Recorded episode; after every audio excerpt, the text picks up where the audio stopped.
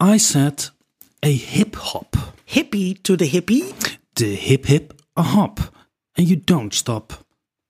A rock it out. Baba to the bang bang boogie. Boogie to the boogie. To the rhythm of the boogie, the beat. Now, what you hear is not a test. I'm rapping to the beat. And me, the groove, and my friends are gonna try to move your feet. See, I am Wonder Mike, and I'd like to say hello. To the black, to the white, the red and the brown. the purple and yellow. But first, I gotta Bang, bang, the boogie, to the boogie. say up jump the boogie to the bang bang boogie. Let's rock. You don't stop. Rock the rhythm that'll make your body rock. Dit programma wordt mede mogelijk gemaakt door Amsterdam University Press. Vanuit Amsterdam is dit Onder Media Doctoren, de podcast waarin communicatiewetenschappers zich verwonderen over de media. Beste luisteraar, u zal het misschien vermoeden, maar we gaan het hebben over hip-hop. En deze aflevering gaan we het hebben over hip-hop als genre en verzet. En Linda, mijn eh, MC Duits. eh, dat was wel een hele witte performance van hip-hop volgens mij. Dit was een hele witte performance van hip-hop en ook eentje van, eh, van de stokoude mensen. Eh, dat kon je wel horen. Stokoud en stokwit. Ja. Gelukkig een heel stuk jonger. En bij ons te gast om te praten over hi- hip-hop is Wouter Kapitein. Wouter, je bent eh, muzikoloog en je schrijft een proefschrift over het werk van Edward Said en over eh, in relatie tot muziek. Klopt, ja. Waar gaat het dan over? Eh, over de raakvlakken tussen in dit geval muziek, eh, vooral klassieke muziek, omdat Edward Said vooral daarover schreef, en, en postkoloniale theorie. Dus hoe, ik richt me dan vooral op eh, wat, wat Edward Said ook deed, hoe denken over muziek en dan met name denken over meerstemmigheid inzichten kan leveren in denken over koloniale geschiedenis en eh, de postkoloniale huidige eh, tijdperk. Ja. Kijk, want je geeft les aan de UvA en je geeft gelukkig ook les aan de mooiste universiteit van Nederland, de Universiteit Utrecht. Ja. Ehm, er is volgens mij niet een hele diepe relatie tussen Edward Said en hip-hop, vertelde je me eerder. Dus eh wij rekenen eigenlijk op al jouw kennis ook over hip-hop en rap. En de eerste vraag nou is: rap? Rap? Moet ik rap zeggen? Maar rap is, Rap? Een, is een beetje zoals eh, Adam Curry. Die ging dan altijd, die zei dan vroeger altijd Madonna. Madonna. Ja, dat is op zo'n overdreven Amerikaanse manier uitgesproken. Rap, zeg je in het Nederlands. Wouter, wat is het, eh, wat is het verschil tussen hip-hop en rap? Rap. Ehm, Ik ben rap heb ik toch een heel Mexicaans gevoel bijna. Dat, eh, het is, denk ik, eh, rap zou ik, rap zou ik vooral toch als de zangstijl specifiek beschouwen. En hip-hop, de muziek in het algemeen en ook andere culturele uitingen die eraan gerelateerd zijn. Eh, maar, eh, maar dus ook eh, hip-hop, inclusief het gebruik van samples bijvoorbeeld. Terwijl rappen, ja, als, zeker als werkwoord de zangtechniek zelf is. En hoe zou je die zangtechniek omschrijven als muziekwetenschapper? Ik weet dat jullie daar heel goed in zijn. Nou, dat valt. eh Ja, is dat valt ja, en er zit ontzettend veel vrijheid in, omdat er een heel ander gebruik is van, eh, van, van het muzikale materiaal en dan met name ritmisch en melodisch.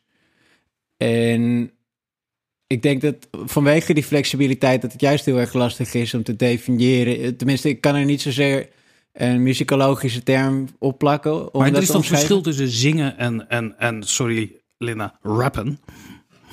Ja, ja, zeker. En ja. wat is dat dan? Het verschil. Wanneer ben je aan het zingen, wanneer ben je aan het rappen? Het zingen zit hem met name in de, eh, de melodievorming. eh, de, over het algemeen, zeg maar binnen de westerse populaire muziek, waar je vrij cijfer op de tonen zingt. Ehm, uiteraard met een beetje flexibiliteit en glissandi en dergelijke ertussen. Maar dat er toch wel duidelijke, definieerbare, uh, noteerbare melodievorming is. Ja. En, en ritme overigens ook. Dus dat je duidelijk de verschillende noten op, nou ja, kan toeschrijven aan, aan de kwartellen of achtstellen enzovoort. Waarbij met rappen, zo, zowel melodisch als uh, ritmisch, daar ontzettend veel verschuivingen optreden. En dat er eigenlijk.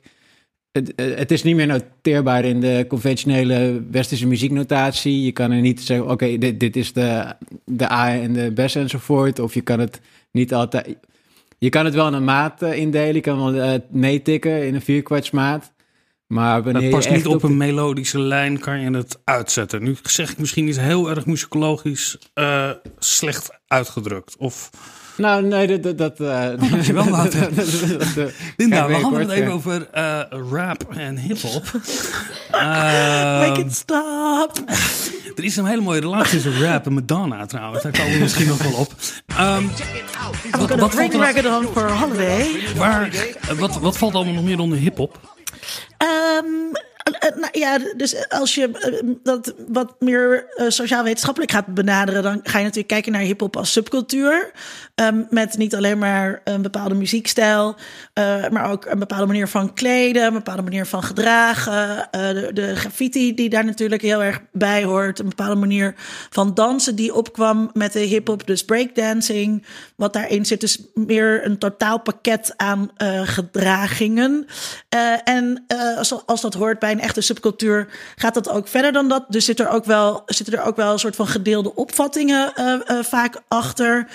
Um, die door die subcultuur min of meer gedragen worden. Uh, en dan zeker denk ik als je gaat kijken naar oude hip-hop, um, uh, zoals die opkwam uh, in eind jaren 70, begin jaren 80, dat er een heel erg anti-establishment vibe in zit. Dat het heel erg gaat over het alledaagse opgroeien in een, in een gemarginaliseerd, op een gemarginaliseerde plek. Dus in de ghetto, zeg maar. Dus er zit ook een bepaalde thematiek in.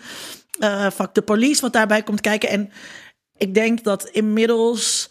Um, uh, hip-hop zo'n onderdeel ook is geworden van de mainstream. Dat dan, daarmee zijn ook sommige trekjes van die subcultuur er, er wel een beetje af. Maar je hebt natuurlijk wel hip-hoppers die erg in die subcultuur zitten. Of ook publiek nou, dat in die subcultuur gaan we, zit. hebben we nog wel even mm -hmm. voordat we daarop komen. Wouter, dat, dat idee van uh, hip-hop of rap als een, een, een genre van verzet. Uh, Linda zei eind jaren 70, begin jaren 80. Waar kunnen we dat. Waar, waar was het verzet tegen? Was het een genre van verzet? Laten we daar eens beginnen. Ik, ik denk het wel. Uh, en zeker inderdaad in die periode waar het um, eigenlijk misschien ook uh, op dat moment, dus eind jaren 70, begin jaren 80, uit de ghetto kwam en een wat breder pla platform kreeg op, op radiostations en, en verkoop van singles en dergelijke. Ehm, Waar, ik soms wel voor huiverig wil zijn, is dat uh, we het niet reduceren tot, tot verzetsmuziek alleen. Want ik denk dat ook simpelweg het plezier van het maken van de muziek, uh, het uitdagen van elkaar, het feesten in het weekend ook een heel erg belangrijke rol speelt. En dat het daar uiteindelijk in de loop van de jaren zeventig ook vandaan komt. Als, uh, met name in New York, in de nou feestcultuur, in in de weekenden, in de zomers op straat. Inclusief de andere uh, culturele uitingen die je noemde, die daar uh, goed op aansluiten. Met name dansen natuurlijk en uh, graffiti.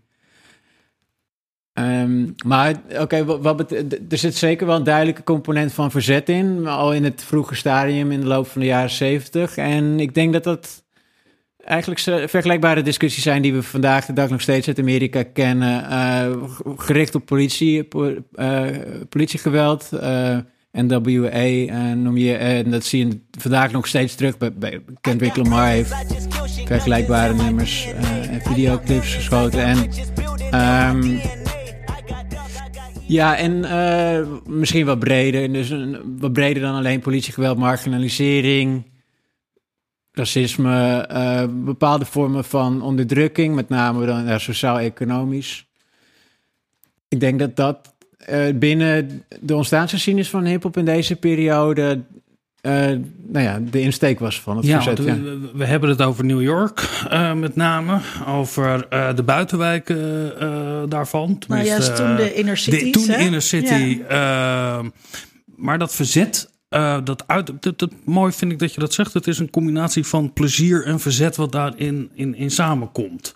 Ehm, toch hebben we het, toch, we hebben het met name over dat het een zwarte cultuur is. Ja, Hoe etnisch was dat dan, eh, die muziek?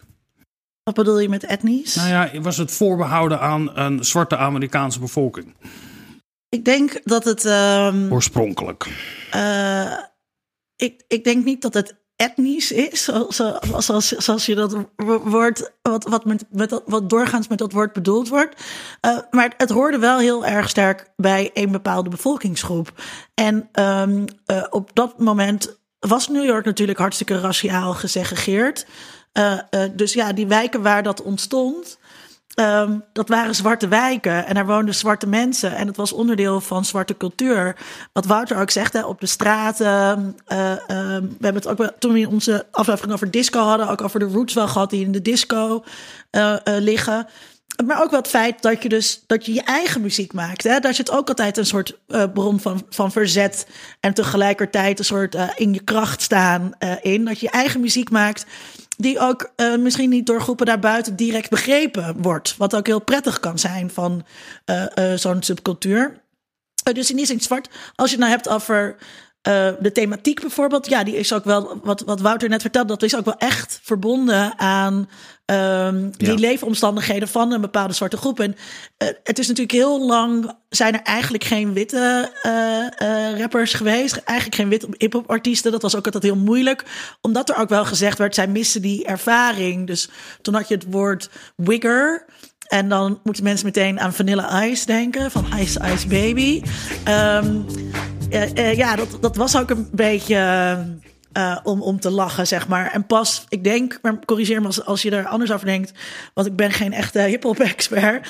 Eh, eh, toen Eminem eh, opkwam, dat was toch wel een van de eerste rappers die wel wit was, maar die wel zo'n ervaring met zich meedroeg. En die dus dat authentiek kon overbrengen. Dat hij ook uit gemarginaliseerde levensomstandigheden kwam. En dat zijn moeder ook drugsverslaafd was. En eh, eh, dat hij daardoor eh, mee kon doen, zeg maar. Mee kon komen. Want Wat voor rol speelt het? eh, wat Linda zegt, en dat herkennen we natuurlijk ook wel in de rap.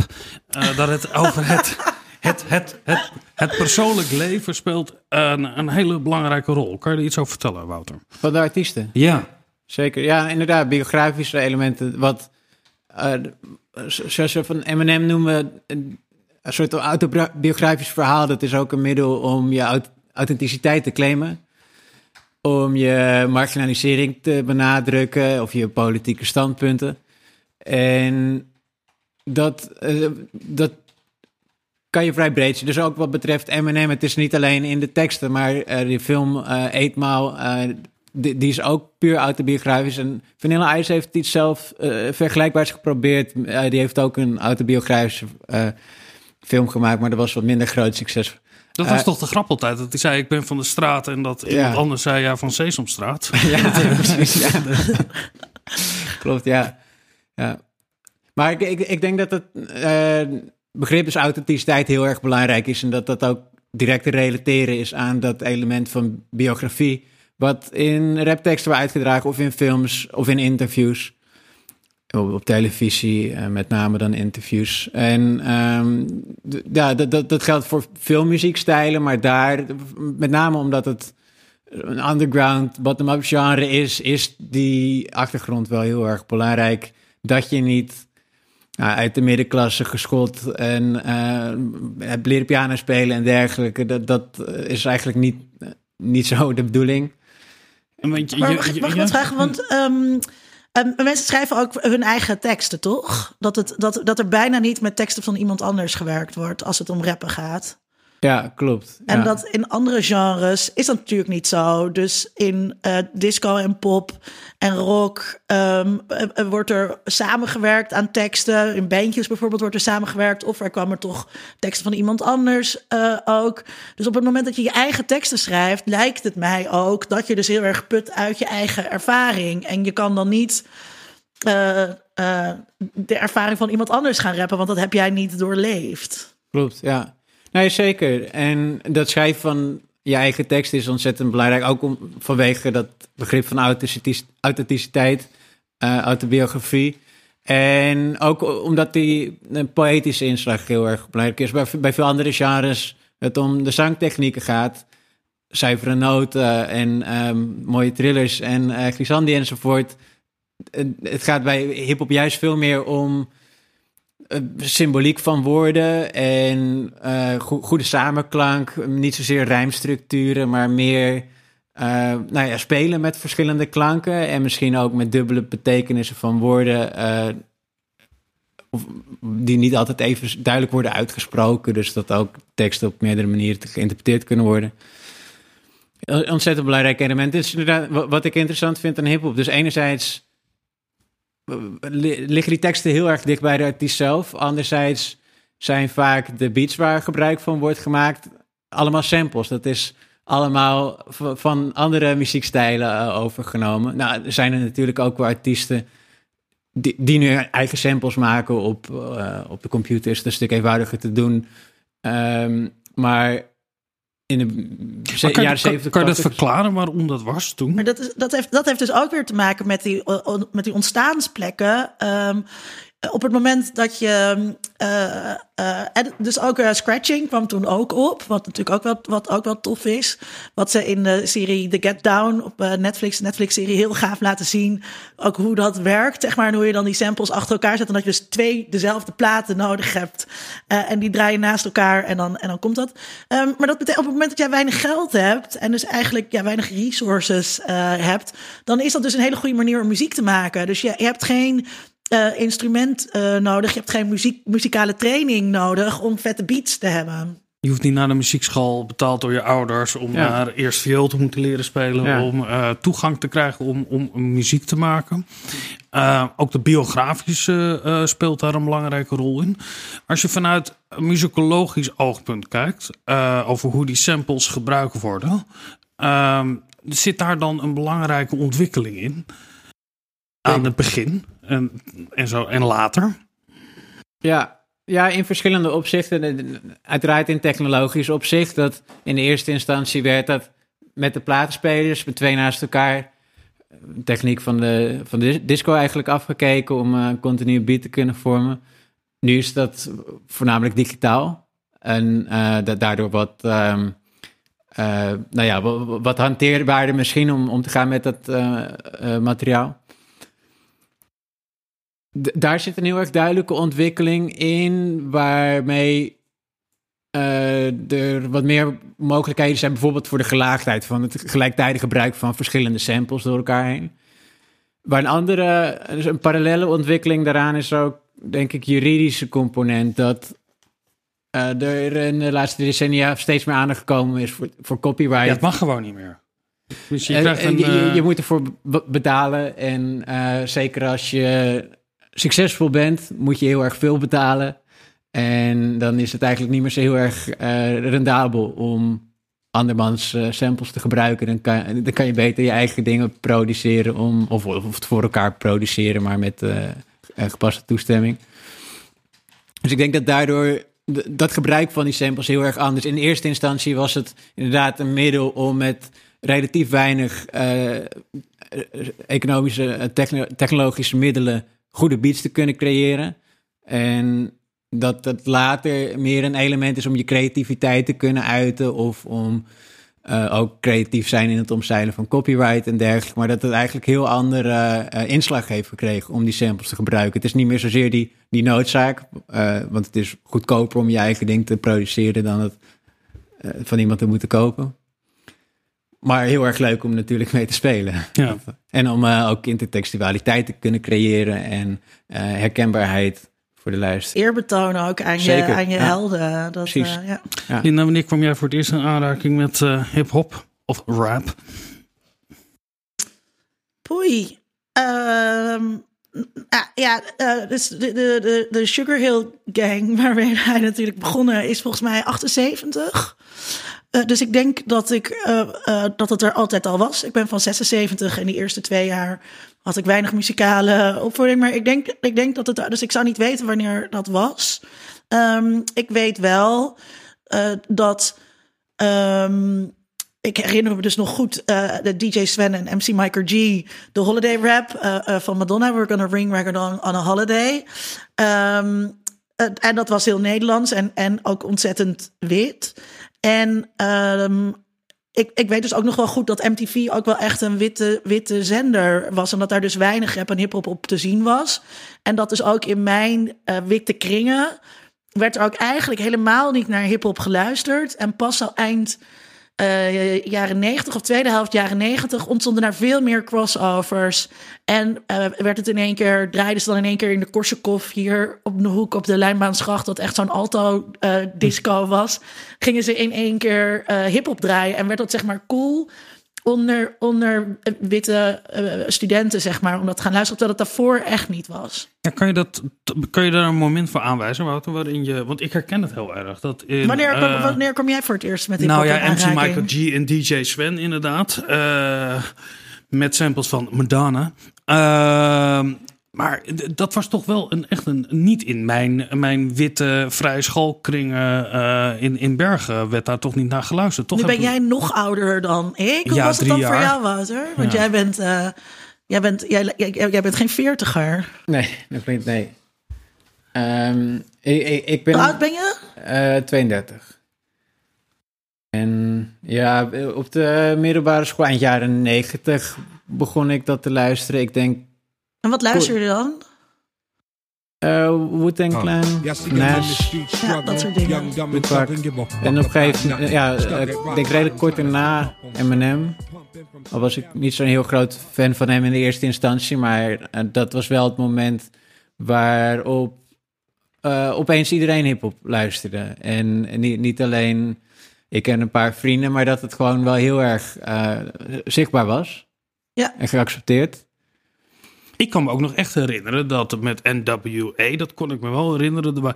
En je had uh, de Two Life Crew, dat kan ik me nog heel goed herinneren. Want die maakte hele vieze liedjes. Misa Horny. En uh, die werden dan verboden. En dat kreeg je dan mee op, uh, op de Tros Radio. En je had, dus voor, je had ervoor natuurlijk wel hitjes. Dus Salt and Peppa bijvoorbeeld. Push It is uit 1989, meen ik. Um, dus dat, dat, was er, dat was er wel. Uh, maar dat en ook de Two Life Crew waren toch echt wel een soort verpopte versies uh, ja. van, van, van, uh, van hip-hop. En um, ik, Michael Jackson heeft vast ook wel ergens een keertje zo'n stukje rap gedaan of zo, weet je wel. Dus dat, maar dat, dat zijn dan toch ja, wat meer de verpopte, wat meer gepopulariseerde, of wat meer vercommercialiseerde vormen. Terwijl die dingen die Wouter noemt, een Wu-Tang Clan, ja, dat is wel echt gewoon hardcore hip-hop. En hoe zit dat? En NWA, dat kende jij misschien wel, maar dat luisterde je echt niet. Nee, dat pas veel later body count of zo. Nou, ik wist wel dat het er was en dat er iets heel ergs aan de hand was. Dat dat iets was, dat daar gruwelijke, agressieve dingen gebeurden die in die wereld plaatsvonden. Ja. Maar dat was niet mijn wereld. Nee. Uh, dat was wel een wereld van, van verzet en duisternis, uh, waarin hele agressieve dingen gebeurden. Um, het, stond heel ver weg. Maar dat is toch heel snel gegaan eigenlijk in een periode. Dat het, is het mainstream geworden? Ja, ik weet niet of het zo snel is gegaan. Ik denk dat het ik denk dat het heel langzaam ja. is gegaan eerder, ja. Het, het, is een... Nou ja, wij schijnen ah. tien jaar en jij bent er wel mee. Uh, uh, nou, tien jaar, is dat lang of kort? In mijn lange leven. Nee, maar als je dus, als je dus uitgaat van uh, de e-, eind jaren zeventig... dat die muzieksoort, dat die muziek opkomt... en dan pas twintig jaar later dat je eigenlijk zegt dat die, dat die doorbraker is... en dat, het, dat, het and, dat andere publieken ook ja. echt aangeboord worden... 20 jaar in de muziektijd is echt heel erg. Ja. Uh, dat, duurt, dat duurt echt heel lang. Als je kijkt, zeg maar, hoe snel dat uh, met house is gegaan. Dan, dan, dan dat is echt wel anders. En dat heeft wel echt te maken ook gewoon met discriminatie in de muziekindustrie. Dus wat ik zei, MTV was gewoon echt een hele witte zender. Er werd gewoon nauwelijks, dat soort clips werden nauwelijks gedraaid. Op de radio, uh, daar gold hetzelfde. Dus het heeft heel lang geduurd. Nog steeds heeft de, de Nederlandse radio uh, zijn er heel veel klachten over 3FM dat ze zo weinig zwarte artiesten, zo weinig zwarte Nederlandse artiesten draaien. En dat al die jongens. Het zijn vooral jongens uh, uh, die bijvoorbeeld bij Top Noord zitten of bij andere labels. Die worden onwijs veel bekeken op YouTube. En je hoort ze eigenlijk niet terug op 3FM. En dan zeggen ze bij 3FM, ja, ons publiek wil dat niet horen of zo. Ja, maar je moet je ook echt gaan bevragen. Ja, je bent een witte organisatie. het is veelal muziek in Nederland ook vaak gemaakt door eh, ja, mensen van kleur, hè, dus mensen van Marokkaanse of Antilliaanse komaf, uh, die dat doen. Er is, er is ook wel echt een soort van bewuste, wat is het woord dat ik zoek? Het bewust tegenhouden, zeg maar, daarvan. Die, die associatie die ik daarmee heb van toen ik 14, 15 was, als iets gevaarlijks, als iets bedreigends, als de status quo moest omvergeworpen worden. Um, Bestaat dat nog? Heeft het nog die, die betekenis? Dat denk ik wel, ja. Uh, dus ondanks de uh, vercommercialisering of populariteit, uh, denk ik dat het er nog wel is. Ook omdat, ik denk enerzijds, het een sluit het ander niet uit. Dus iets kan heel erg populair zijn, maar nog steeds, dus, dus bijvoorbeeld Kendrick Lamar of Eminem, nog steeds politiek heel expliciet of subversief. En anderzijds, dergelijke populaire artiesten sluit ook niet uit dat er heel veel underground gebeurt. En dat geldt voor Nederland en uh, zeker ook voor Amerika. Maar dat geldt ook omdat het zo globaal genre is geworden. Ook in, in het Midden-Oosten zijn heel veel artiesten die, die, die zijn underground. Die, uh, die worden zeker niet op radio en tv gehoord. Maar dat gaat allemaal via het internet. En waar overigens hip-hop ook een heel geschikt genre voor is. Uh, om dat uh, dus te produceren en te verspreiden via het internet. Dus ik denk dat, denk dat dat nog wel leeft, maar er is niet echt een heel eenduidig antwoord over te formuleren, omdat het zo globaal is geworden en het op heel veel verschillende plekken heel verschillende uitingsvormen en politieke connotaties heeft. En dat heeft het ook in Nederland. En we gaan luisteren naar Jiggy J.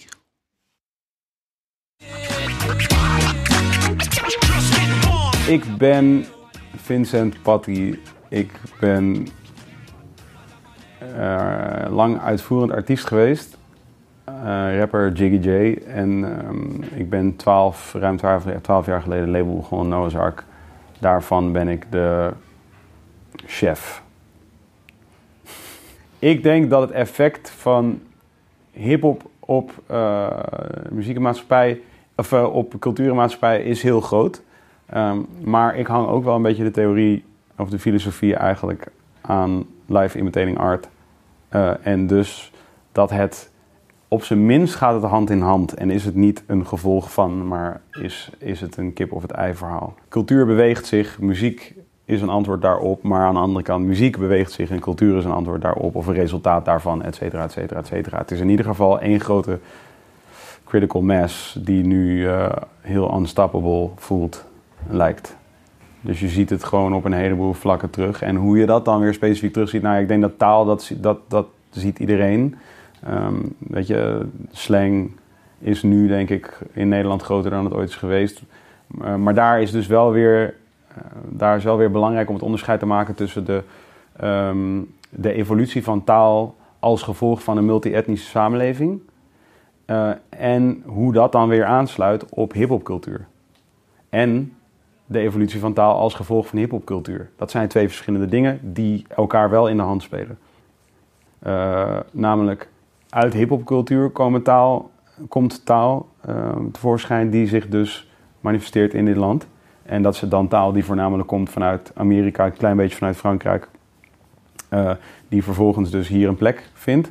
Maar anderzijds is het natuurlijk zo dat, laat ik zeggen, uh, Surinaams, Arabisch, Marokkaans, Antilliaans, whatever je allemaal kunt bedenken, al die talen um, vermengen zich en worden tussen aanhalingstekens straattaal. Want ja, voor een heleboel generaties is dat helemaal geen straattaal, maar gewoon hun taal.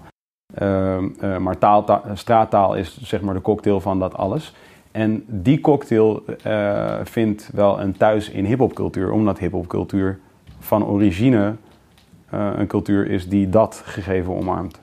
De specifieke manier waarop media ruimte biedt aan ruimte, waarop media ruimte bieden, moet ik zeggen, maar begrijp wat ik bedoel, aan artiesten van dit genre is nog steeds, ja, doe wel even een beetje mee. We zijn wel een polonaise aan het lopen. Het is wel gezellig als je meeloopt, snap je? Zo van, we snappen wel heel goed dat jij deze en deze rapper bent en dat je gewoon super populair bent en meer volgers hebt dan het programma waar je nu in te gast bent. Maar je moet wel alsnog gewoon een beetje meedoen. Anders vinden we je gewoon niet leuk. Dat is gewoon waar het op neerkomt. We kunnen niet van jou accepteren dat jij de Nederlandse Justin Bieber bent. Dat kunnen we niet, zo kunnen we niet met jou omgaan. Dat kan gewoon niet. Dat kan John de Mol misschien wel, of dat kan misschien eh, Albert Verlinde wel, of dat kan misschien. eh, ik, wil, ik wil nu een soort leuke derde noemen, zodat het een beetje verscha- een bepaalde soort range aan mensen is. Irene, Irene Moors is ook wit. Ik had graag voor een donker iemand willen gaan. Ik denk dat hip-hopcultuur, als het gaat over een cultuur binnen de. Binnen, laat ik zeggen, wat je zou kunnen zeggen, eh, weet je, eh, een soort popcultureel. eh, Want alles is popcultuur uiteindelijk. Dus hip-hopcultuur binnen popcultuur, denk ik, zal voorlopig de meest dominante cultuur zijn. En dat komt omdat het als een van de weinige culturen innovatie volledig omarmt. Automatisch. Dat is deel van waar de cultuur vandaan komt. En dat komt, en origineel komen heel veel andere culturen daar ook vandaan. Maar die zijn, denk ik, gezwicht voor the man. En ik denk dat de hip-hopcultuur nog niet is gezwicht voor de man. En ook voorlopig niet zal zwichten voor de man. Niet, niet, niet echt. 10 euro blijft een joetje, 100 piek dat is een meier. 25 is een geeltje en je partner is je vrijer. Alle meisjes noemen... Wouter, ik, ik, ik proef een soort spanning in wat we ook eerder zeiden en wat we nu ook in het interview horen van, eh, van Vincent is eh hip-hop is waanzinnig populair. Eh, het wordt enorm omarmd ook door tal van groepen in een samenleving. Maar aan de andere kant, ja, je moet wel leuk zijn als je een beetje mee wil doen in de mainstream media en daarin opgepikt worden. Hoe kan het dat iets dat zo populair is, wat door ontzettend veel mensen beluisterd wordt en actief aan meegedaan wordt, niet die positie krijgt die het eigenlijk zou moeten hebben? Ja, dat is, afhankelijk van het medium. Dus inderdaad op de radio eh, of ehm, nou, voorheen op MTV... dat het eigenlijk niet eh, aandacht krijgt. Misschien ook eh, overigens in de hitnoteringen. Dus verkoopcijfers. Ehm, ik, ik denk dat het... ja, ik, ik zou niet een boycott willen noemen. Dat, dat gaat misschien wat ver, maar dat heeft eh, toch een so- soort van afweer van heeft een aantal oorzaken. De kaart die vaak gespeeld wordt is eh, van seksualiteit dat daar eh, nou, daaraan direct gerelateerd gebruik van scheldwoorden. Dat dat niet wordt geaccepteerd op de radio of op televisie. En Met dat, name in Amerika neem ik aan. Bij ons is dat nooit verboden geweest. Je hebt hier Nou, altijd fuck en neuk- neuken mogen Ja. zeggen. Ja, het mag wel, maar het is een andere vraag of de radiopresentator het ook graag wilt. Ja, maar dat is, dat, dat is, dat is vind ik, eh, ik vind het interessant als dat aangevoerd wordt. Want eh, we hebben gewoon televisieprogramma's die neuken doe je zo eh, heten. En eh, er wordt Vandaag de dag, ja. Ja, Ja, maar, ook al, maar daarvoor ook al. Dus, dus ik kan me niet voorstellen dat dat eh, eh, als, als eh, dat het een geldend argument is, omdat alle, al- in alle, alle andere kunstvormen of alle andere cultuuruitingen eh, zit, dat wel, zit dat wel in. Ik bedoel, het aantal Nederlandse films waarin godverdomme op zo'n manier wordt gezegd. lekker neuken. Ja, is ontelbaar. Heel Weet je wel? Dus dat, ehm, Maar ja. ik denk Maar Linde, is er dan iets anders aan Maar de laat me hand? even eens een punt ja, afmaken. sorry. Ik, ik denk, eh, mijn argument was, was eigenlijk niet zozeer dat het een geldig argument is, maar dat het vaak als ex- excuus wordt gebruikt. Ja, Ja. En om- omdat dat redelijk eh, aanwijsbaar is, daarom vinden we het vervelend, omdat deze jongen scheldt, dus daarom draaien we het niet. Maar dat het vaak wel eh, binnen de mainstream media, en, en dat, dat geldt voor hiphop, maar ook voor vergelijkbare genres voorheen, gold dat ook voor, voor jazz of voor rock, dat dat eh, lange tijd is geweerd om, ehm, nou, van- vanwege de politieke connotaties die niet altijd, of meestal niet eh, in lijn lopen met, met, met de mainstream, waar, ehm, waar, waar toch wat eh, ja, bepaalde vormen van politieke verzet liever niet eh, worden uitgedragen. Kan je even Je- je- drugs zeggen, maar dan op zijn Vincent? Drugs. Ja. Drugs. Wat natuurlijk heel erg verbonden is met, eh, met eh, rockmuziek. En, eh, en ook een verheerlijking van die drugscultuur die daarin zit. Ja, Maar ik, ik, als we het wat directer zeggen, is het een zwart-wit eh, verhaal is. Staat hip-hop ook voor een eh, zwarte stedelijke cultuur, misschien ook wel in Nederland, die zich niet aan de gezelligheid wil meedoen, waar eh Ja. J het ook over heeft? Ja, dus, ik, dus ik, ik denk dat Vincent Patty dat heel goed zei. Ehm, hoe, wat hij ook zei over straattaal bijvoorbeeld. Hoe al die verschillende eh, etnische achtergronden er, ervoor zorgen dat er, dat er een taal ontstaat. Een gedeelde taal die eh, bepaalde groepen spreken. En dat is, dat is de realiteit van jeugdcultuur op dit moment. En de publieke omroep heeft ontzettend veel moeite met die, die, met, die, met die multiculturele realiteit, zeg maar. Ze weten niet hoe ze daarmee om moeten gaan. Dit is een stokpaardje van mij. Eh, Bij een programma als So You Think You Can Dance, wat bij de commerciële omroep zit, zie je die multiculturele jeugdcultuur terug. Zo ziet die jeugdcultuur er gewoon uit. Weet je, je hebt gewoon mensen van verschillende kleuren die verschillende dansstijlen doen. Zo zit het in Luisteraar, elkaar. gaat u eens naar buiten en u ziet het? Ja. En ja, gaat u eens naar buiten en dan ziet u het. En, eh, ehm, maar bij de publieke omroep slaan, slagen ze daar gewoon niet in om dat, om dat te kunnen weerspiegelen. Ehm, en ik denk ook wel dat daar, dat daar iets moedwilligs eh, achter zit. Dus het is een hele witte, witte scene.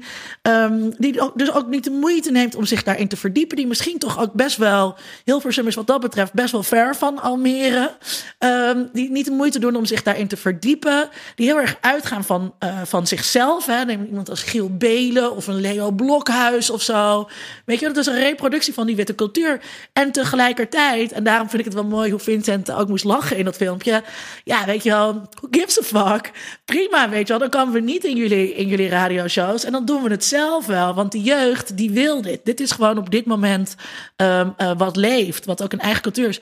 En in dat kader vind ik trouwens ook wel interessant.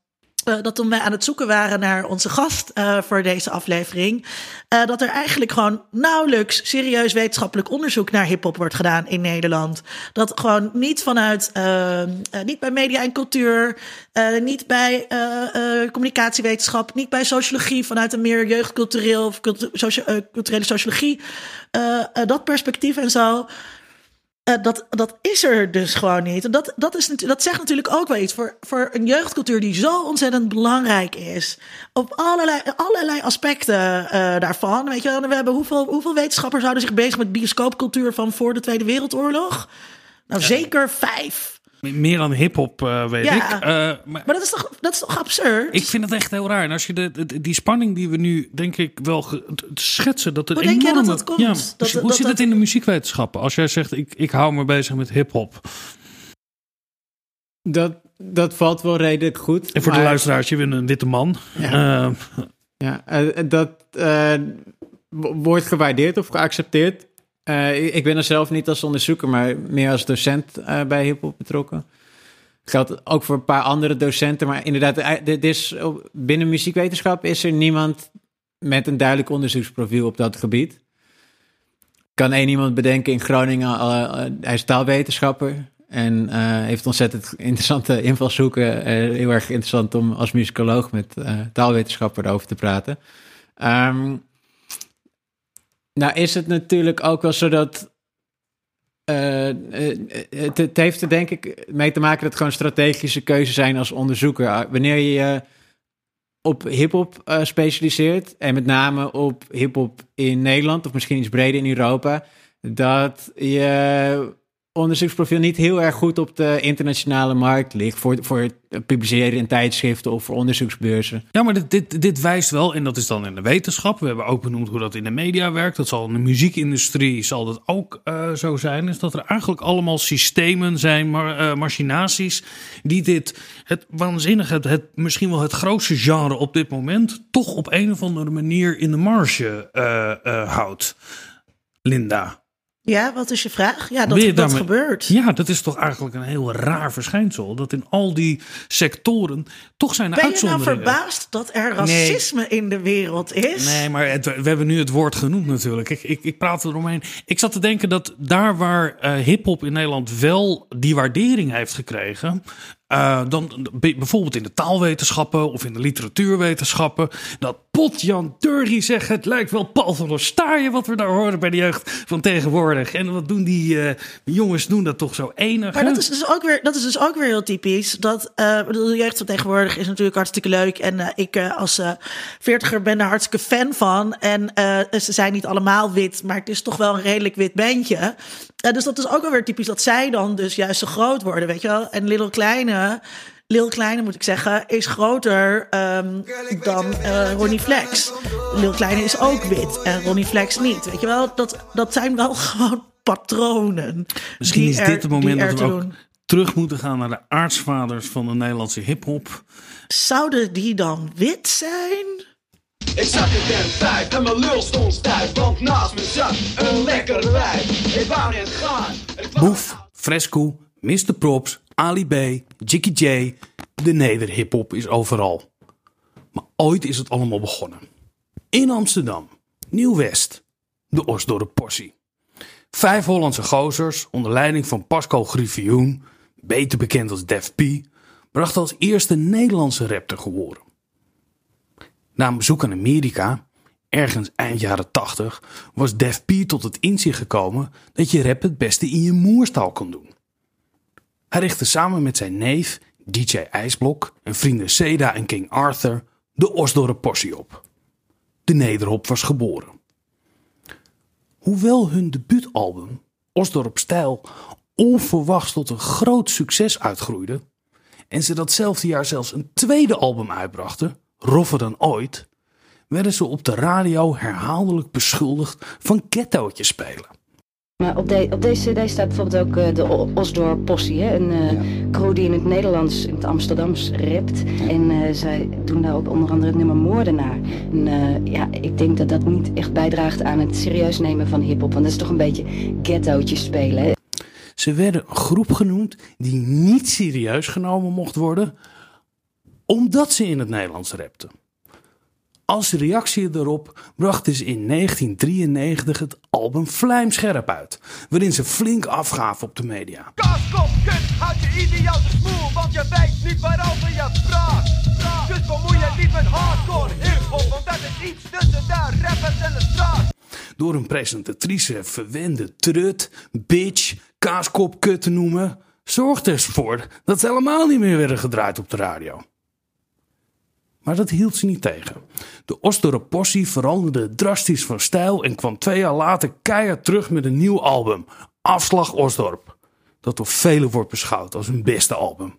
Vanwege de scherpe teksten, waarin onderwerpen als prostitutie, echte liefde, religie en mishandeling kritisch werden benaderd. Ik ben de moederneukende rapper Def P. En ik ben de overgeweldige DJ IJsblok. En deze rap is niet geschikt voor moederneukers onder de 16 jaar.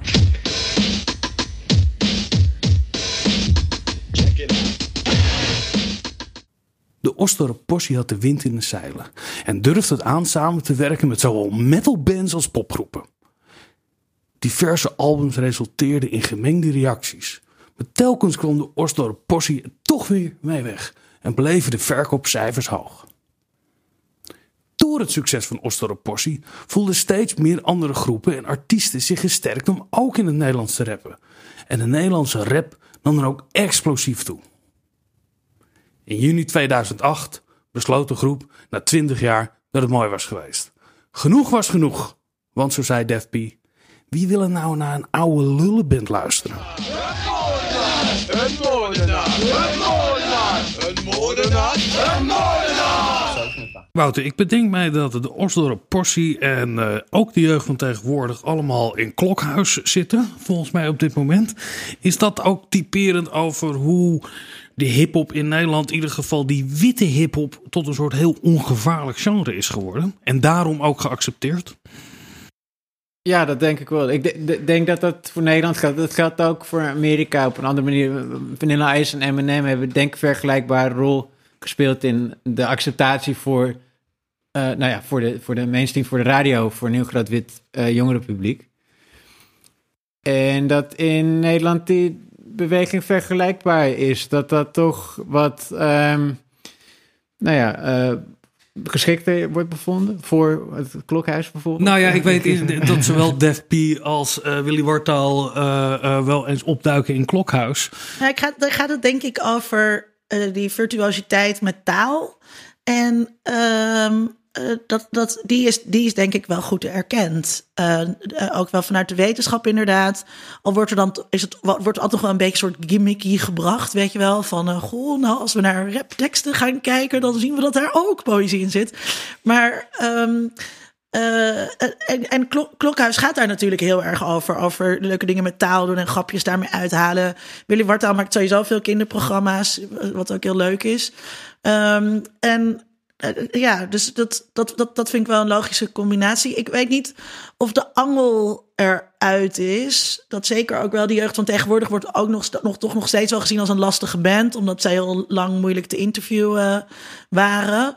Ehm, dus die proberen ook wel iets ongrijpbaars te houden. En eh, er zijn natuurlijk heel veel rappers die, ehm, eh, rapper Boef bijvoorbeeld, ehm, die, jij kent vast en zeker betere, meer voorbeelden, eh, die een crimineel verleden hebben, die heel erg gezien worden als slechte rolmodellen, die ook op, op basis daarvan eh, beschimpt worden door eh, witte nationale media en dat dat toch ook een beetje weggehouden wordt. Dus er zit nog steeds wel een, eh, een scherbrandje aan. Er lijkt dus een onderscheid gemaakt te worden tussen dat wat we eh, de authentieke hip-hop met een eigen biografisch verhaal, wat zowel een, een bron van verzet is en overleven, eh, speelt daar een belangrijke rol in. Aan de andere kant heb je die, nou ja, die ongevaarlijke, eh blije hip-hop van eh, overwegend eh, witte Nee, dat is, artiesten. niet, dat, is, dat, is niet, dat is niet correct. Want de jeugd van tegenwoordig je hebt heel erg over hun eigen leven. Dat is ook wel grappig. Die zijn nu oud, dus het gaat nu over ruzie met je vriendin. En Ja, oké, van de kinderen houden. leven, ja. Het, is, het is wel degelijk ei- eigen leven. Dus die tegenstelling die jij schetst, die ben ik daar. daar die Nee, ik wel een eigen leven, maar niet een ellendig leven. Er moet een, de authenticiteit zit hem ook in het lijden, in het, het overwinnen van een, eh, eh, eh, een slecht verleden. Ja, nee, ik denk dat dat, dat eh, die insteek, dat is waar Eminem ontzettend succesvol mee is geworden. En waar Vanilla Ice de plank missloeg. Ja. Door, Voor de jonge longen luisteraars, ja, dat eh, beroemd geworden met Ice Ice Baby. Ja. Eh, op de sample van Queen. Ja. Under Pressure. Eh, zoek het op, we zetten het nu, hoor je het eronder. Je hoort het nu Maar nog we hebben het net al besproken dat Ice Ice Baby Vincent, dus we blijven wel heel lang hangen. Ik ben van Wouter benieuwd of jij iets kan vertellen over die, over die jonge eh, andere generatie rappers die in Nederland is opgestaan. Ehm, eh, die dus wel veel meer over criminele achtergronden bijvoorbeeld eh, praten in hun werk. ja, ik, ik, ik moet eerlijk zeggen, ik weet niet heel veel van eh, Nederlands, eh, behalve eh, enigszins als liefhebber, maar eh, bijvoorbeeld in mijn colleges bespreek ik dat niet. Maar Amerikaanse dan? Ehm, ja, wa- wa- wat is dan de, de nieuwe generaties van dit moment, bedoel je? Wat, Ja.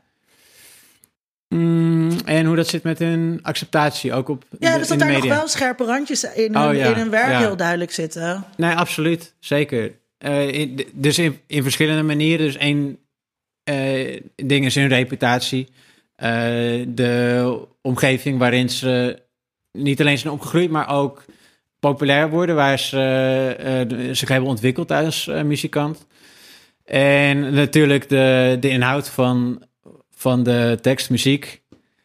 Wie inspeelt op politieke actualiteit. En, Kan je een voorbeeld geven van, die, die, van iemand die dat heel sterk doet? Eerder noemde ik Kendrick Lamar, die doet dat in misschien een wat ehm, abstractere manier. Eh, ik, de- ik zit ook te denken aan Eminem, die vorig jaar een freestyle rap tegenover Trump. eh, of hij sprak in de camera, maar het was voor eh, Trumps ogen en oren. Ehm, wa- wat natuurlijk ontzettend populaire artiesten zijn met eh, een heel wereldwijd breed eh, publiek eh, geaccepteerd. Door, ook door de mainstream. Maar toch, in ieder geval wat betreft inhoud en eigenlijk ook een autobiografische achtergrond, dat die scherpe randjes en die connotaties die hip-hop altijd heeft gehad, dat het er nog steeds wel duidelijk terug in te vinden is. Naast ontzettend veel artiesten die eh, veel minder bekend zijn en misschien die ook niet eens opnemen, die eh, die, die bij elkaar thuis of op straat eh, freestylen. En eh, nou oké, dat- dat zijn dan de, eh, de hip-hop-culturen zo- zoals het ooit is ontstaan in de jaren zeventig in New York. En ik denk dat dat nog steeds gebeurt, ook in Amsterdam en in, eh, in Amerikaanse steden en wereldwijd. Ja.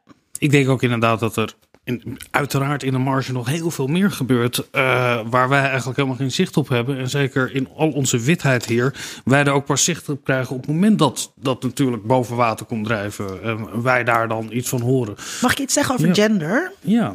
Ehm, ik eh, geef heel veel les over eh, seksualisering in de media. En dat gaat heel vaak over, over. Die discussies gingen vroeger vooral over videoclips. En dan bijvoorbeeld over 50 Cent. Hè, en dat dat dan eigenlijk. eh, ja, hè, dus het, het, idee van een, van een grote zwarte man. eh, die dan de seksualiteit van, van witte middenklasse meisjes eigenlijk bedreigt. Eh, dat, dat beeld zit daar heel erg achter. Ehm, en eh, als oplossing wordt dan altijd mediawijsheid aangedragen. En ik geef ook colleges erover wat daar allemaal mis mee is. En een van de eh, voorbeelden die ik dan gebruik is een nummer van Kia, My Neck, My Back. Lick It, misschien ken je het, Vincent. ja, dat is toch een oproep tot de orale liefde? Dat is een oproep tot orale liefde. En wat ik heel interessant daaraan vind, is. ehm, eh, dat is eh, Dirty South eh, hip-hop. En ik, ik kende dat genre eigenlijk niet. Totdat ik een heel interessant hoofdstuk daarover las van onderzoekers die dat helemaal uitgepluist hadden. En zij zeiden in Dirty South hip-hop. Ehm, er zitten heel veel seksueel expliciete eh, eh, teksten. Dat is echt kenmerkend voor dat genre. Maar wat nou zo bijzonder is, is dat een vrouw eh, dat zingt. Dus hip-hop is toch best nog wel overwegend een mannengenre. En zij zingt dus heel seksueel assertieve teksten. Zij heeft heel veel agency. Zij is degene die zegt: Ik wil dat jij dit doet. Ik wil dat je me op deze manier eh, bevredigt.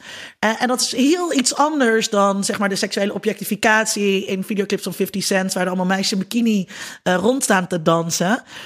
En wat ik, wat ik zo interessant vind en wat ik in mijn college dan ook benadruk, is dat bijna niemand van de witte ouders of witte docenten in Nederland snapt dat. Die kennen Dirty South als genre natuurlijk helemaal niet. Die begrijpen helemaal niet dat dat een vorm is van eh, voor eh, Kia om kritiek te geven op de, patriarchale samenleving waarin zij eh, bestaat. Een manier om dus inderdaad haar assertiviteit te laten gelden. En dat betekent ook dat als je mediawijsheidlessen wil geven op school, dan, moet je, dan zou je dit soort dingen dus eigenlijk mee moeten nemen. Dan zou je dit soort De dingen allemaal gelaagdheden, de verschillen daarin. allemaal, de- ja, allemaal moeten weten. En vervolgens ook nog eens een keertje met je leerlingen gaan praten van wat voor betekenis geef jij er dan eigenlijk aan? Wist je dit soort dingen? Valt je dat op? Hè? Hoe luister je naar dat soort teksten? Eh, nou, dat is, eigenlijk, eh, dat is eigenlijk ondoenlijk. En eh, het gaat natuurlijk heel snel. Dus dat nummer van Kia is ondertussen volgens mij ook al tien jaar oud of zo. Dus ook als ik daar college over geef, dan zitten studenten die nu 19 zijn, zitten ook echt een beetje, waar komt, eh, komt die oude vrouw nou weer bij aanzetten? Ehm, ehm, maar op het moment dat je dus als docent zeg maar zoiets zou willen doen, dan moet je dus heel erg op de hoogte eh, zijn. Ja. En, dat, en, dat, en dat ben je natuurlijk niet. Eh, dus eh, ik vind dat een mooi punt van één, waarom mediawijsheid dus geen goede, goe- geen goede oplossing is tegen wat dan ook. In dit geval zou het dan een soort wapen moeten zijn tegen seksualisering. Eh, en, en een tweede waarom ik dus wilde vertellen, is dat het zo'n mooie illustratie is van de bijzondere positie van vrouwen binnen de hip-hop. Ja, ik, de, de, de gelaagdheden daarin, of de finesses, als je, ik beschouw me als een totale buitenstaander daarin. Ehm, hoe bestudeer je dat? Om, als je echt wil begrijpen wat de betekenis daarvan is. Dus moet je niet antropologisch onderzoek doen, Wouter? Ja, Om uiteraard. echt te begrijpen eh, Ja. wat daar gaande is. Het als ligt- muziekwetenschapper. Uit- uiteraard. Het ligt eh, wel heel, eh, volledig aan de invalshoek. En dat geldt voor alle onderzoeksobjecten. Dat, eh, Niet de geesteswetenschapper pesten, Vincent. ik denk dat het ook... Zwaar op eh, puur muzikologische basis kan je ook ontzettend veel...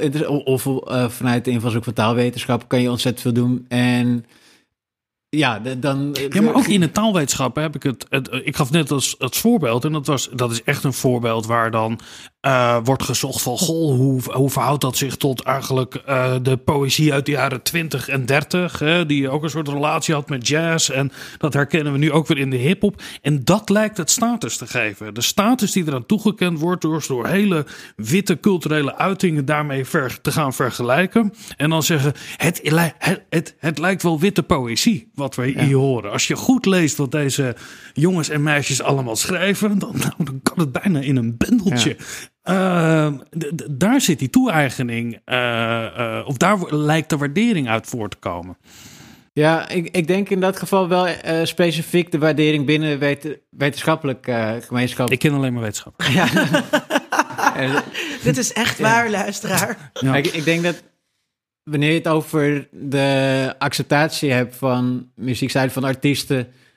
De, dus één één ding waar we het net over hadden is de media, of die wel of niet erop inhaken, of die kunnen aansluiten op wat er gaande is.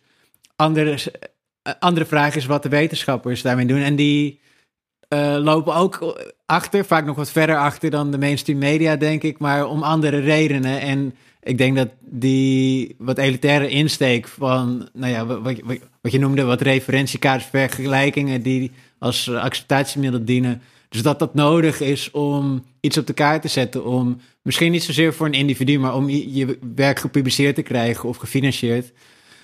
Dat dat, eh, nou ja, die- die verhe- verheving tot eh, hoge kunst, wat dan binnen de geesteswetenschap in het algemeen wordt geaccepteerd. Ik, ik, ik bedenk me nu dat wij eh, in Nederland tientallen, zo niet honderden, allemaal witte studenten opleiden binnen de mediawetenschap. Om uiteindelijk in de media te gaan werken. Om die dominantie in ieder geval in stand te houden. Nou ja, maar daarom, daarom, vind ik het dus, daarom vind ik het dus zo be- belangrijk en ergerlijk. eh, zo belangrijk om te noemen en ergerlijk dat het gebeurt.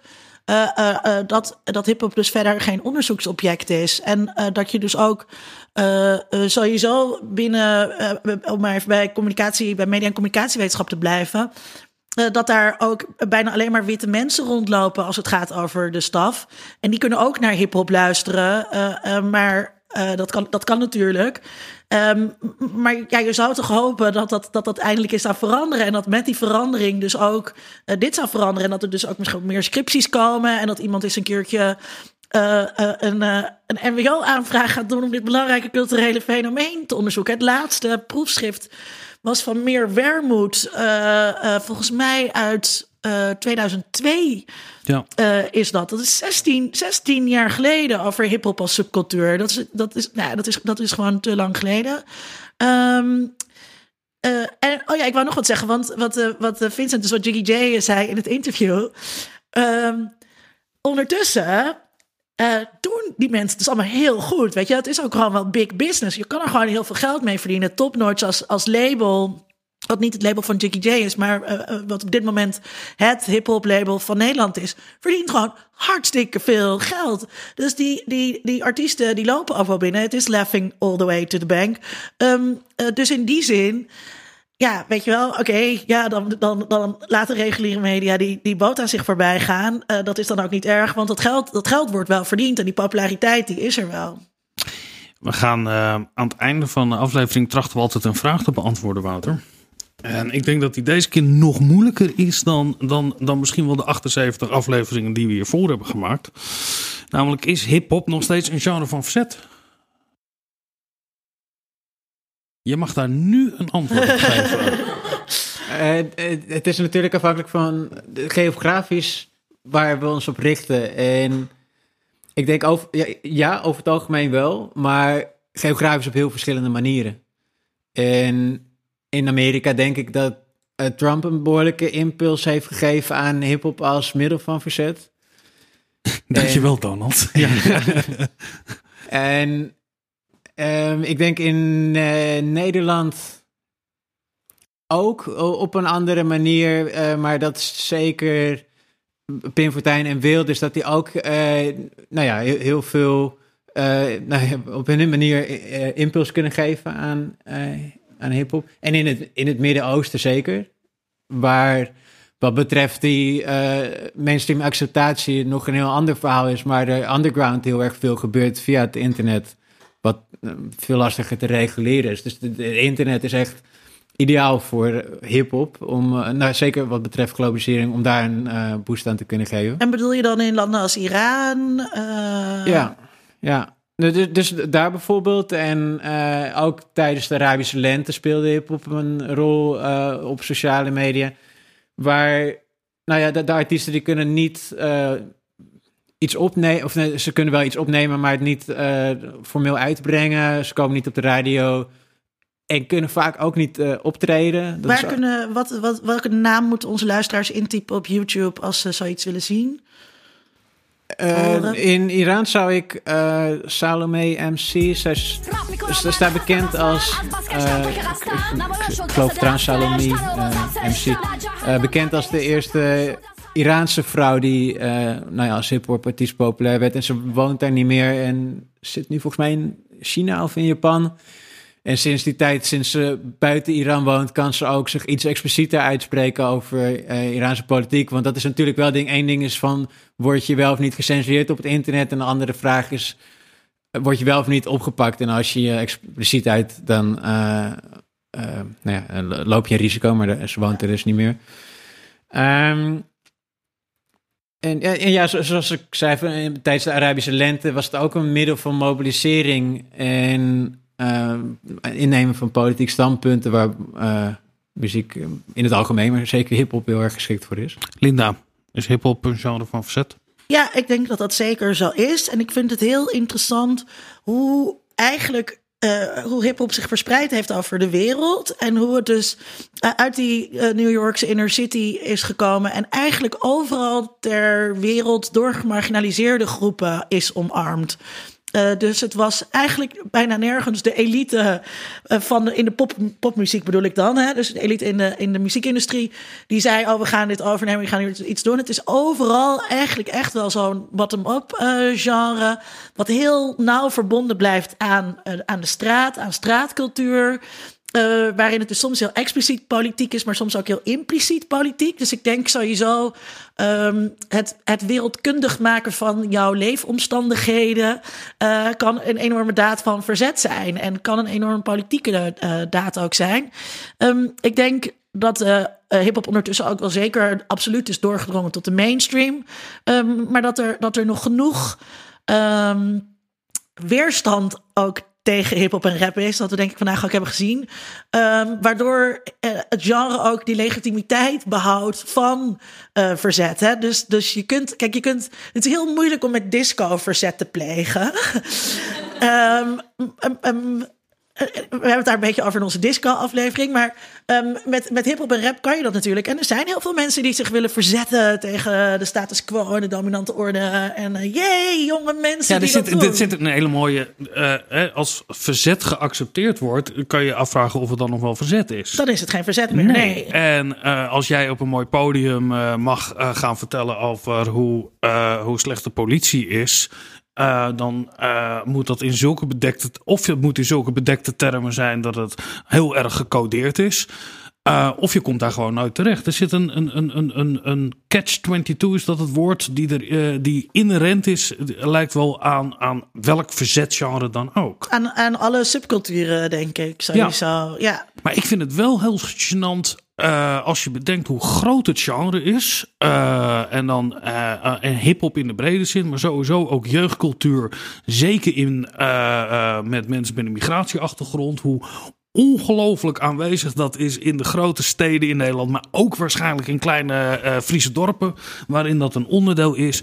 En wij als populaire cultuurwetenschappers, mediawetenschappers, eigenlijk daar zo verdraaid weinig uh, mee bezig zijn, ja. van afweten, het ook daadwerkelijk kunnen lezen van wat daar gebeurt. Je gaf daar een voorbeeld van over wat is nou een, een, een, een vanuit een genderperspectief een vorm van verzet en wat is dan eigenlijk een, uh, uh, waar vindt dat niet plaats?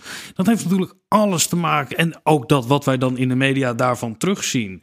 Ik denk dat er heel veel dingen zijn die zich uh, rondgedeeld worden. Waar misschien maar honderd luisteraars zijn. Maar die heel belangrijk zijn voor die honderd luisteraars.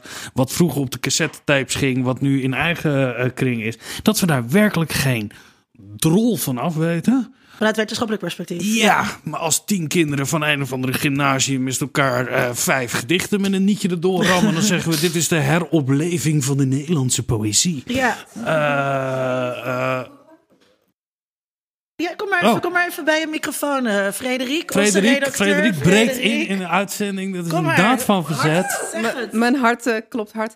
Nee, onze niet aanwezige gast Vincent Patty zei buitenom wat we net hebben gehoord van hem, dat de sound van hip-hop in een bepaalde cultuur, dus je dan Amerika en bijvoorbeeld Nederland, dat die beïnvloed wordt door die gemarginaliseerde groepen. Dus de Afro-Amerikaanse sound in Amerikaanse hip-hop. Maar hier in Nederland hebben we natuurlijk vanuit Suriname, Antillen, Cariben, van alles wat. En dat bepaalt dus nu de sound van onze hip-hop. Maar ik denk dat dat imago van, weet je wel, die gemarginaliseerde groep, dus eh, mensen met een migratie, migratieachtergrond, dat het imago, je dat, dat verzet, dat dat nog een beetje lingert, weet je wel, dat het nog een beetje sluimert op de achtergrond. En dat misschien daarom ook in de wetenschap, dat het ook een beetje zo van, ja, oké, weet je wel. Dus het is een heel erg onderschat en een beetje onder de ja, boeken of onder de kast gestoken eh, onderwerp. Ja, maar Wouter zei ook: ja, moet je luisteren. Ik kan er wel heel erg veel aandacht aan gaan besteden in mijn onderzoek. Maar ja, daar maak ik geen carrière mee. Ja, je wil, het, ook in, Eh, en- je en- wil het en- ook in de journals hebben. En, en, en ja, en, en dat is heel begrijpelijk. Eh, maar dat geeft wel ont- ontzettende eh, blinde vlek aan die we hebben als we, ook wij hier het hebben over, over hip-hop en rap. Hiphop, hiphop, hiphop, hiphop, hiphop. Maar ik denk dat het, dat het dus belangrijk is dat als je dit luistert en je bent nog student, denk dan eens na of je dus inderdaad je scriptie kunt schrijven over hiphop. Eh, dat je ehm, eh, daar ook met je docenten over, over praat en dat je vraagt of dat kan. En dat je ook die docenten overtuigt van hoe belangrijk dit is. Want ik denk wel, op het moment dat je eh, bij een MWO-project je, je relevantie staat aan te geven. Ja, dan zit je wel goed. Er is een enorm wetenschappelijk gat. Weet je wel, de gap in the literature waar we het altijd Ja. over hebben. Nou, dat is heel makkelijk om dat aan te geven. En ook dus die maatschappelijke relevantie is, eh, is heel erg sterk. Ik krijg er bijna zelf zin van om een NWO-aanvraag te gaan schrijven. Waren het niet dat ik dat soort dingen lekker niet hoef te doen. Wouter, kom je volgend jaar bij ons een cursus eh, hip-hop in, eh, in Utrecht geven? Of nee, misschien komt hij terug om iets interessants te vertellen over zijn promotieonderzoek naar Orientalisme. Want daar ben ik ook wel heel erg naar benieuwd. Ja, dat, ja, dat zou ik natuurlijk hartstikke leuk vinden. En eh, overigens een cursus eh, over hiphop. Eh, besteedt zo- wel aandacht aan in Utrecht. Ja, klopt. Eh, in, in Utrecht doe ik dat binnen de con- binnen cursussen over populaire muziek in de loop van de 20e eeuw. Zijn het Aan- allemaal witte studenten? Overwegend. Mm, overwegend, over- ja. ja. Het antwoord is eigenlijk ja. Ja. Maar overigens aan- aan de, aan de Universiteit van Amsterdam geeft iemand nu wel een cursus over hip-hop. Ja. Maar het feit Ja. dat we het zo benoemen, geeft wel aan wat het probleem is. Dat we, Ja, eh, is er ook, is een, er is wel ook een een- witte man. En Ja. eh, Tom, jij hebt dat vak gevolgd. Oh. Oliver Site. Ik weet niet of hij het nog steeds geeft. Oliver Site. En waren daar ook alleen maar witte studenten? Eh, er waren twee zwarte studenten. Twee zwarte studenten. Waren die geadopteerd? Dames en heren, u heeft geluisterd naar aflevering 79 van de podcast Onder Media Doctoren. Wij vonden het ontzettend leuk dat u heeft geluisterd. Ook deze keer hebben wij niet echt een antwoord gegeven op de vraag. En toch hopen wij dat u, ons blijft volgen. Of Ik misschien vond, ook wel, wel. ik vond wel Ja, dat we hebben een wel antwoord, op de vraag. Ik wel gaf een heel duidelijk antwoord op de vraag. Ja, En Linda de- vindt en dat ze wel Wouter een antwoord dat, heeft. En Wouter deed dat ook. Wouter ook. Het was een, Eh, het was een, een antwoord dat uit meerdere alinea's eh, bestond, in beide gevallen. Maar dat is nog steeds een antwoord, Vincent. Ja, maar ja, wij zijn ook doktoren natuurlijk. En Wouter hoopt dat ook ooit te worden als hij zijn proefschrift over Said en de muziek afrondt. Eh, u bent trouwens allemaal uitgenodigd voor de verdediging van het proefschrift, eh, proefschrift van Wouter. Eh, dat mag u alleen als u ook onze Patreon wordt en ons geld geeft. Dus Wouter, schiet op met het schrijven van het proefschrift. Ehm, deze aflevering werd gemaakt door Tom Aalmoes, die u even hoorde. Sona Arslan, Narin Ismail, Frederik Tijlers. Dank voor je bijdrage, Frederik. Linda Duits, zoals elke keer. Eh, mijn naam is Vincent Kronen en ik wil vooral Wouter Kapitein danken voor zijn aanwezigheid en wijze woorden. Volgende keer gaan we het hebben over China en dat is alles namaken. Tot dan. Dan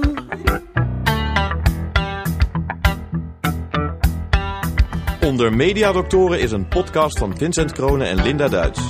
Meer informatie vindt u op ondermediadoktoren.nl.